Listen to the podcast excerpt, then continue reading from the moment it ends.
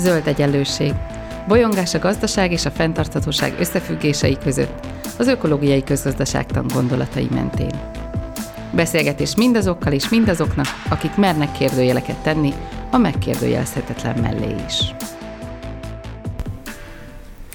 Szeretettel köszöntöm a hallgatókat, és uh, köszöntöm dr. Bajmoci Zoltánt is, a Szegedi Tudományegyetem docensét, akivel immár negyedik alkalommal beszélgetünk a technológiáról, és arról, hogy milyen szerepet tölt be a technológia a fenntartatóságba.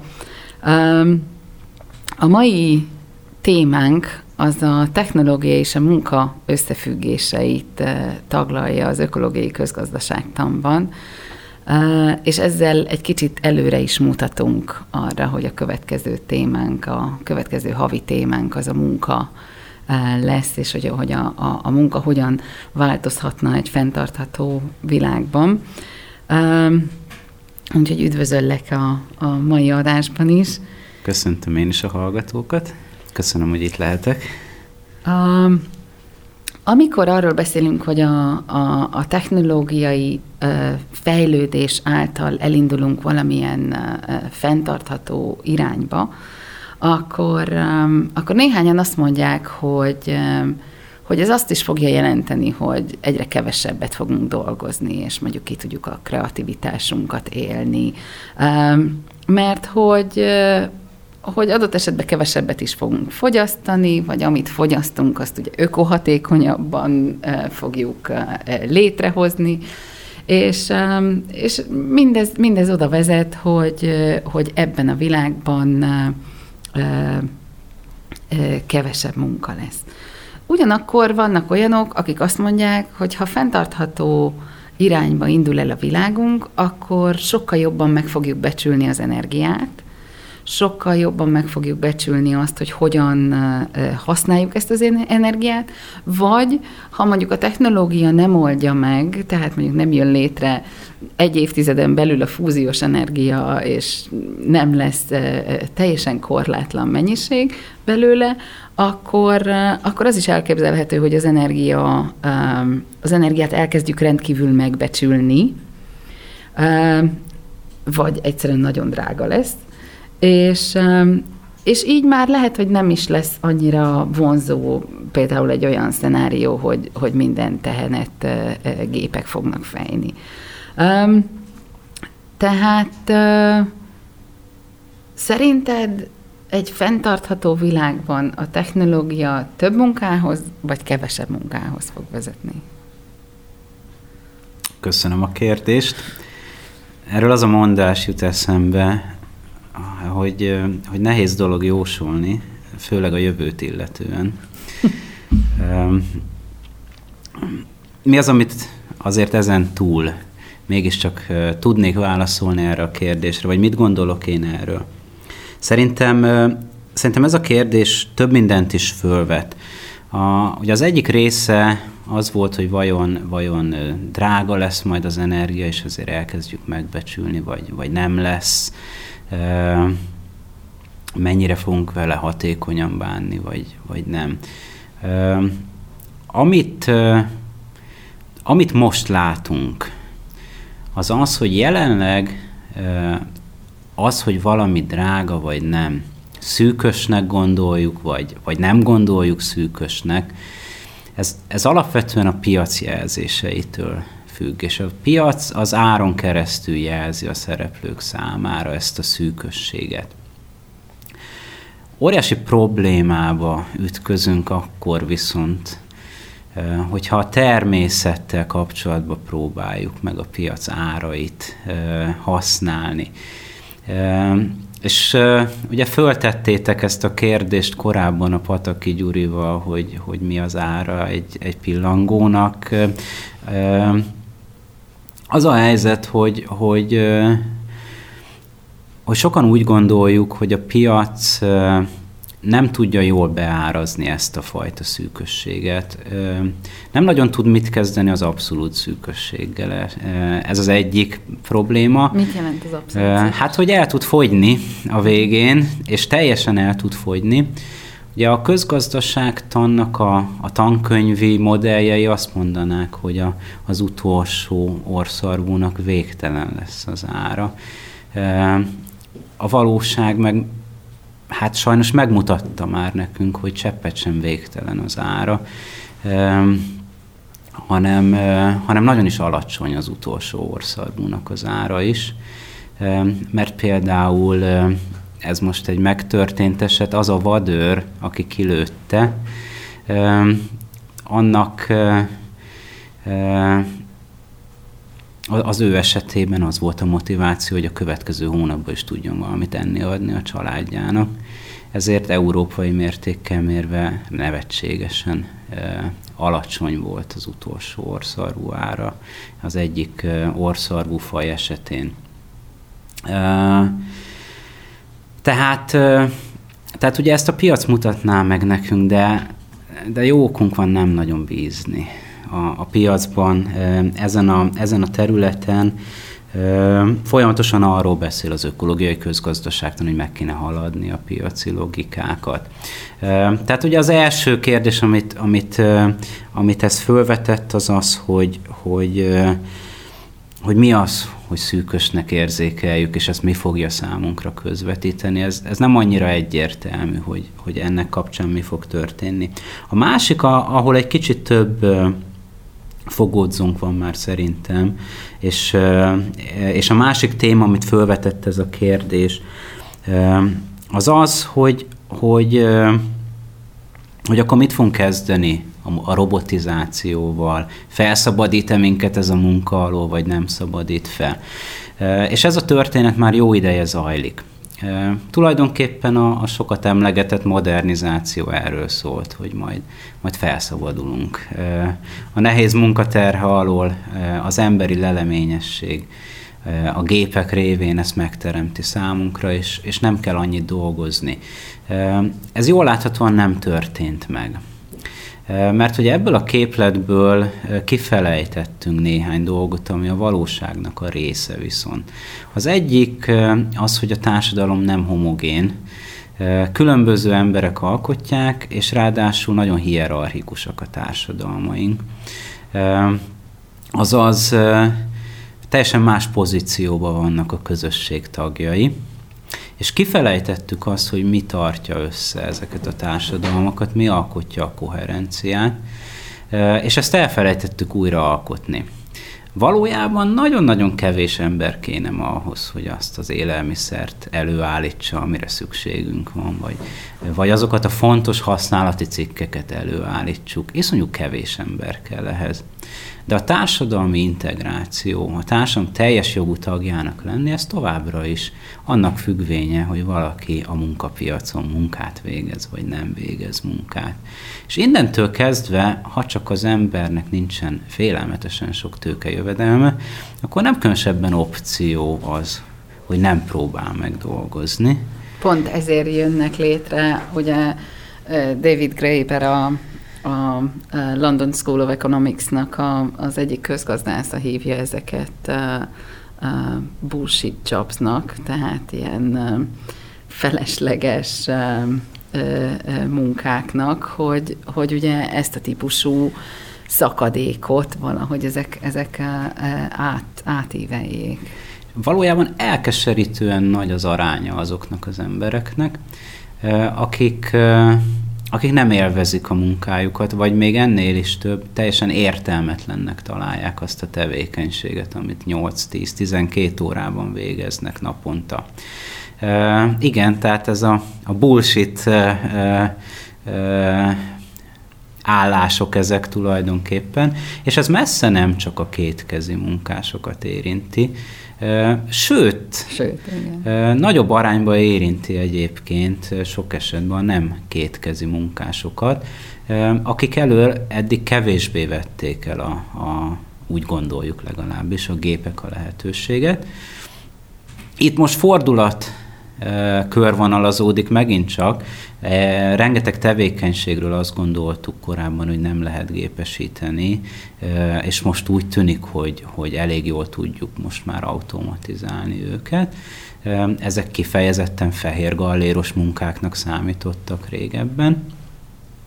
De talán a legfontosabb kiemelni szerintem azt, hogy, hogy a társadalom nagyon nem homogén a lehetőségek szempontjából.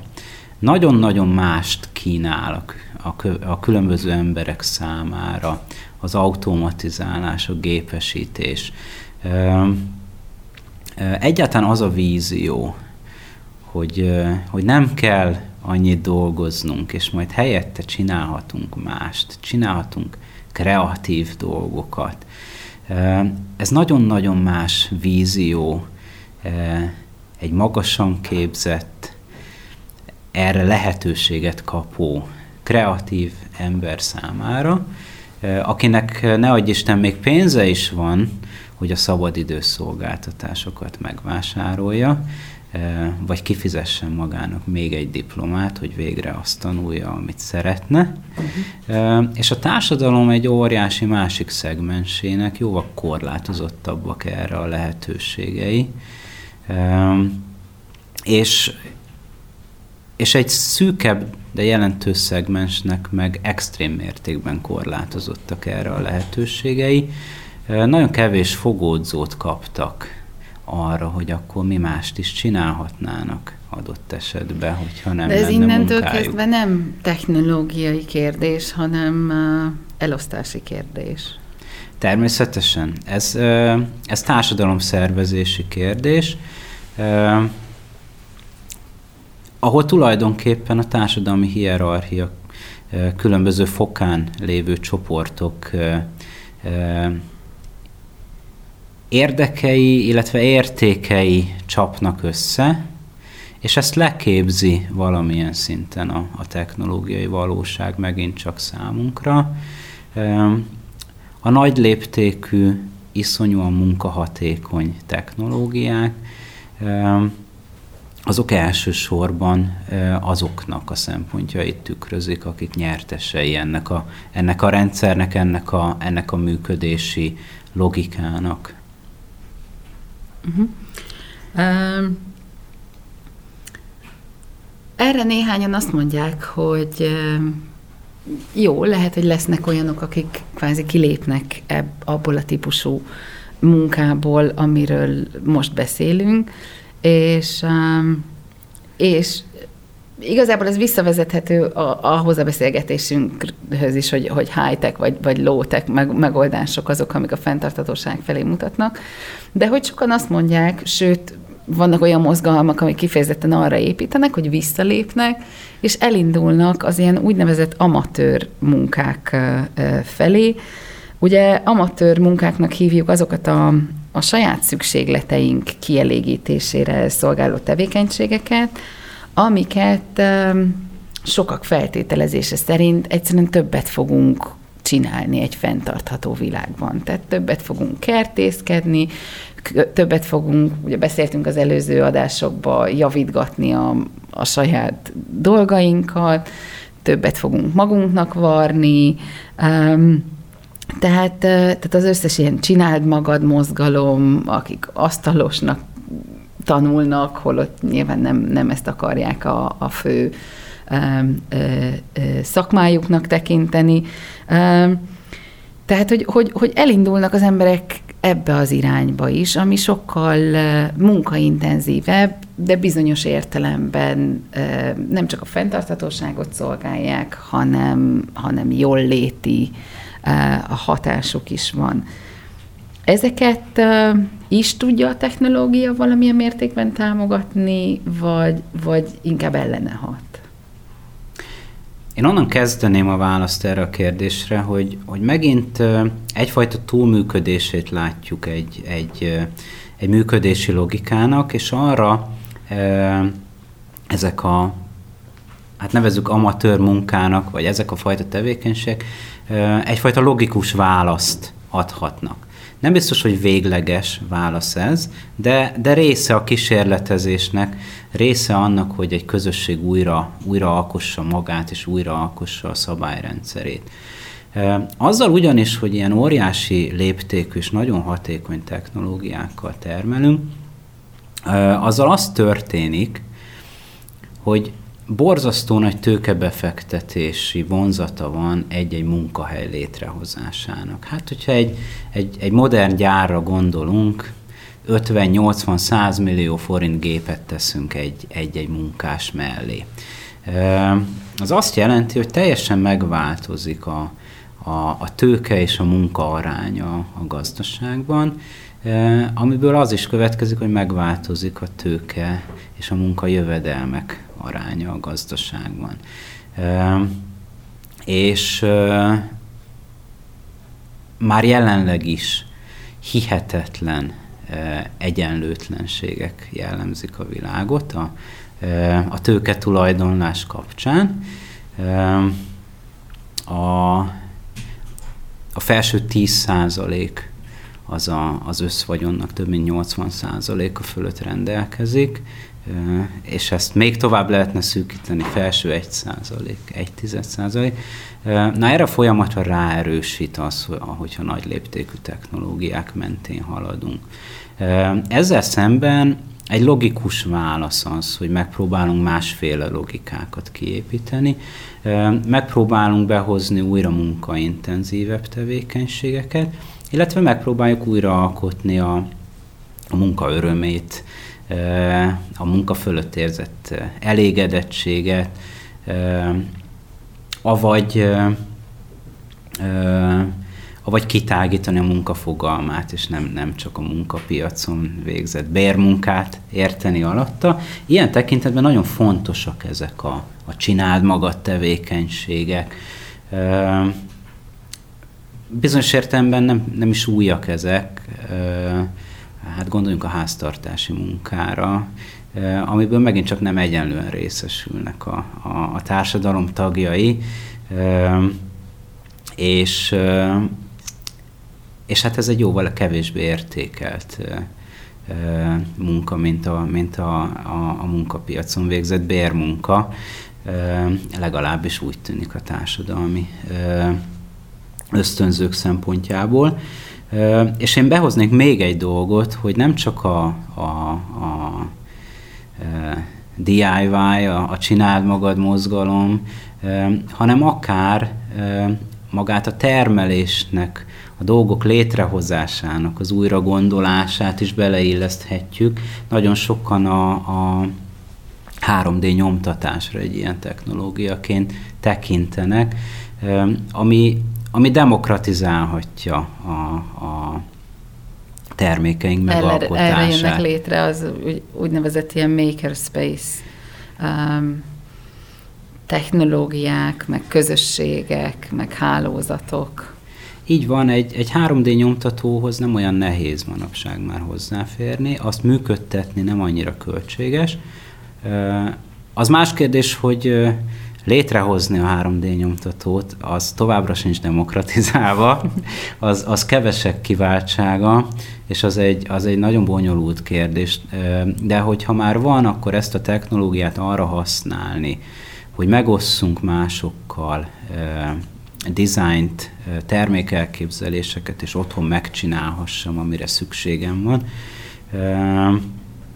Ez, ez ténylegesen új, új lehetőségeket teremthet. Ami visszahozza ugye a, a nyílt forrású tudásnak a, az elősegítését, mert hogy ugye ez, ezek a rendszerek kifejezetten arról szólnak, hogy ezeket a dizájnokat egymással megosztják azok, akik, akik ezekben a terekben mozognak. Így van, tehát ilyen értelemben a, a, a különböző technológiai megoldásaink hathatósan elősegíthetik a változást, részei lehetnek annak, csak megint egy kicsit a, a képzeletünket ki kell engedni a, a, a békjók alól. A nem növekedés mozgalom ezt nagyon gyakran, nagyon gyakran mondja, hogy az elménket fel kell szabadítani abban az értelemben, hogy nagyon sok berögződést használunk a technológiával kapcsolatban, nem kérdezünk rá, mert, mert nem is kellett soha gondolkodni rajta. Ugye úgy, úgy gondolunk rá, mint, mint erre a bizonyos gyors vonatra, ami, ami megy előre, megy, megy vissza. Úgy gondolunk rá, mint hogyha ez nem a mi ügyünk lenne, mint hogyha ez a mérnökök vagy a tudósok ügye lenne technológiákat megalkotni vagy, vagy újraalkotni. De igenis, lehetőségünk van ezekre rákérdezni, és lehetőségünk van végig lépkedni ilyen értelemben a változásokon, a, a fenntarthatóságot, vagy a nem növekedést szolgáló technológia, az, az elsősorban szerintem nem attól válik más technológiával, hogy sokkal ökohatékonyabb, hanem attól, hogy föltesszük a kérdést, hogy akarjuk ezt a képességet, ki férjen hozzá, miért férjen ő hozzá, ki kontrollál kit, lehetőségem van kimaradni a technológiából, vagy nincs lehetőségem. Ez is egy elemi fontosságú kérdés. Nagyon sokszor pontosan ez a döntési lehetőség hiánya, amit fájlalunk a technológiákkal kapcsolatban. Ki az, aki ma ki tud maradni mondjuk az e-mailes kommunikációból? Ugye nem, nincs lehetőség kimaradni, és nem is, nem is az a lényeg, hogy én ki akarok maradni abból a lehetőségből, de jóval többen ki szeretnénk maradni mondjuk abból, amit szintén hozott ez a rendszer, hogy azt várja tőled mindenki, hogy egy órán belül válaszoljál a felvetésekre, és gyakorlatilag nem osztod be többet a saját napodat, vagy a munkanapodat, és, és lehetetlenné tesz egyfajta működést. Ez a logika. Úgyhogy a, a technológiától ilyen értelemben nem kell félni, az azon el kell gondolkodni, nem kell rá megoldásként tekinteni, hanem, hanem hát állítsuk olyan célok szolgálatába, amit, amit értékesnek vagy értelmesnek gondolunk, és használjuk arra, hogy a segítségével alkossuk újra a világot. Ebben a hónapban nagyon sokat beszéltünk így a, a technológia demokratizálásáról, és hogy, hogy, azok, hogy, hogy, hogy kezdjük el visszahozni a társadalmi döntéshozatalba. Tudsz erre eszközöket mondani? Um, Szerintem ezt úgy érdemes megközelíteni, hogy hogy egy nagyon-nagyon bonyolult valóságot próbálunk megváltoztatni. Ne, ne higgyünk abban, hogy egy könnyű út van ezzel kapcsolatban. Ennek a rendszernek valószínűleg különböző pontjain és szintjein kell beavatkozni. És azt látjuk, hogy szinte minden pontján vagy szintjén vannak szereplők, akik igenis fölteszik ezeket a kérdéseket, és azon kísérleteznek, vagy már komoly eredményeket értek el azzal, hogy újfajta működési módokat, logikákat hozzanak be a rendszerbe. Hagyománya van akár a politikai döntéshozatal szintjén is már annak, hogy ezeket a kérdéseket föltegyük. Ennek az egyik legelső formája a részvételi technológia értékelés volt, amikor eh, érintettekkel, úgymond laikus szereplőkkel közösen eh, kezdtek el szakértők gondolkodni technológia területek jövőjén, eh, pontosan azon kérdések mentén, hogy mit is akarunk, mi a víziónk, mit szeretnénk ezzel, és aztán ezeket akár intézményesítetten becsatornázták a döntéshozatalba, például Dániában ott ez a, az országgyűlésnek volt ilyen tanácsadó testülete. Másrésztről problémák is voltak ezekkel a működésekkel. Folyamatosan vitatárgyát képezte, hogy kellenek ezek, nem kellenek ezek. De aztán, aztán újra alkottuk ezeket a formákat, és most most elkezdtünk felelősségteljes kutatásról beszélni, ami, ami szintén egy kisajátítható fogalom, lehet úgy is értelmezni, ami, ami nem sok mindenre kérdez rá, de nagyon sok szereplő elkezdett egy újfajta működési móddal kísérletezni. A társadalmi szereplők problémáiból, kérdéseiből próbálnak a kutatók kiindulni. Rengeteg formája alakult ki a, a, a kutatás és a civil szféra együttműködésének. A rendszernek megint egy másik szintje a mozgalmak szintje, amikor ez alulról indul el, és ez a... Etikus hackerek. Etikus hackerek, a, ezek a maker Space. space-ek, helyek, a, a korábban említettük már a, a, a dolgok megjavításának a jogáért indított mozgalmak, illetve rengeteg olyan törekvés, ami megpróbál, megpróbálja az, az adekvát, a megfelelő léptékű technológiát megtalálni. Nagyon sokszor például ezt nemzetközi fejlesztő szervezetek karolták fel ezeket a törekvéseket. Rengeteg kudarc élmény érte őket.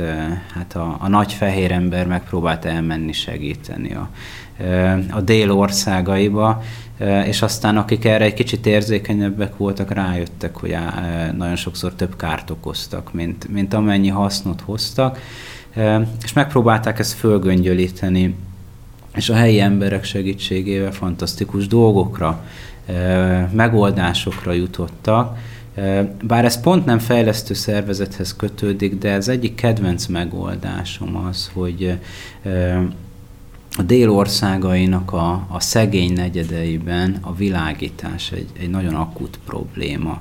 E, ezekben a bádok, viskókban nincsen ablak nagyon sok esetben, e, teljesen sötét van napközben is. E, indultak először programok arra, hogy kössük be a, őket az elektromos hálózatba. Hát ennek az lett az eredménye, hogy miután jövedelmük nem lett ettől az embereknek, így egy adósságspirálba taszítottuk őket, és aztán jött egy ilyen egy eurós megoldás, egy üres műanyag palack megtöltünk vízzel, és átfúrjuk a tetőn keresztül, a bádok tetőn keresztül. A felső egyharmada tehát megsüti a nap, és ez olyan 40 wattnyi fényerőnek megfelelő világosságot hoz ezekbe. Teljesen, hát ez az igazi lótek megoldás. Teljesen megoldható helyi erőforrásokkal, helyi szereplőkkel, senki nem lesz függő senkitől, és ez abba a közegbe egy csodálatos megoldás. Ugyanez a megoldás egy másik közegben meg teljesen használhatatlan, mert itt kifúrná át a, a födémet azért, hogy egy, egy üres PET palackot gyömöszöljünk bele. Nyilvánvalóan ez nem a mi megoldásunk, de a mi megoldásunk meg nem az ő megoldásuk. Azaz, ha elkezdjük figyelembe venni a helyzetek, az emberek sokféleségét, a társadalmi célok sokféleségét, mint ahogy ez elkezdett megtörténni, akkor óriási lehetőségek vannak szerintem. Nagyon szépen köszönöm neked így a, az elmúlt hónap beszélgetéseit, és hogy egy kicsit tudtunk arról beszélni, hogy a technológia az, az milyen értelemben um, tekinthető megoldásnak, mikor eszköznek, és mikor uh, um, mozog úgy, hogy egyszerűen csak ilyen, ilyen társadalmi víziókat csontosít be, amiket mondjuk adott esetben nem szeretnénk. De hogy ugyanakkor meg az, amit én nagyon-nagyon sokszor szeretek mindenhol hangoztatni, hogy hogy igen, ezekről a víziókról beszéljünk, tehát hogy, hogy hogyan akarunk élni. És aztán az, hogy a technológiát ahhoz hogyan alakítjuk, az, um, az már a könnyebbik kérdés. Tehát, uh, tehát ha ezekben a víziókban tudnánk párbeszédeket indítani, és, uh, és lennének vízióink, és nem csak disztópiáink azzal kapcsolatban, hogy, hogy itt mi történhet, akár a technológia és a munka, akár a technológia és az egyenlőség, akár a technológia és a, a környezeti fenntartatóság uh, érdekében, akkor szerintem sokkal előrébb jutnánk. annyit, annyit hozzátennék még én is így, hogy tényleg én is ezt gondolom. A, az elmúlt 150 év az, az bizonyítja, hogy borzasztó ügyesek vagyunk abban, hogy a társadalmi víziókat technológiai megoldásokra fordítsuk le. Nem ettől kell félni. A társadalmi vízió, amit meg kell alkotni, és amin, amin, amin dolgozni kell igazából, és hogy elhiggyük, hogy van tere a változtatásnak. Nagyon szépen köszönöm. És a következő hónapban pedig arról fogunk beszélgetni, hogy, hogy milyen lehet a fenntartható munka víziója, ha már így a víziókról beszélünk, és hogyan változna a munka fogalma egy olyan világban, ahol a, a fenntarthatóság és a jólét előtérbe kerül az anyagi jóléttel szemben. Úgyhogy ezek lesznek a következő hónap témái, és én nagyon köszönöm Bajmóci Zoltánnak, hogy március folyamán beszélgetett velem a technológiáról. Nagyon köszönöm ezeket a beszélgetéseket, nagyon jó volt itt lenni és beszélgetni. Köszönöm. Ez volt az Új Egyenlőség zöld podcastjának mai adása. Hallgassátok az Új Egyenlőség piros podcastot is. Nézzétek a stúdióbeszélgetéseket a YouTube csatornákon, és olvassátok a www.újegyenlőség.hu-t. Vitatkozzatok velünk a Facebook oldalunkon. Jövő héten újra találkozunk.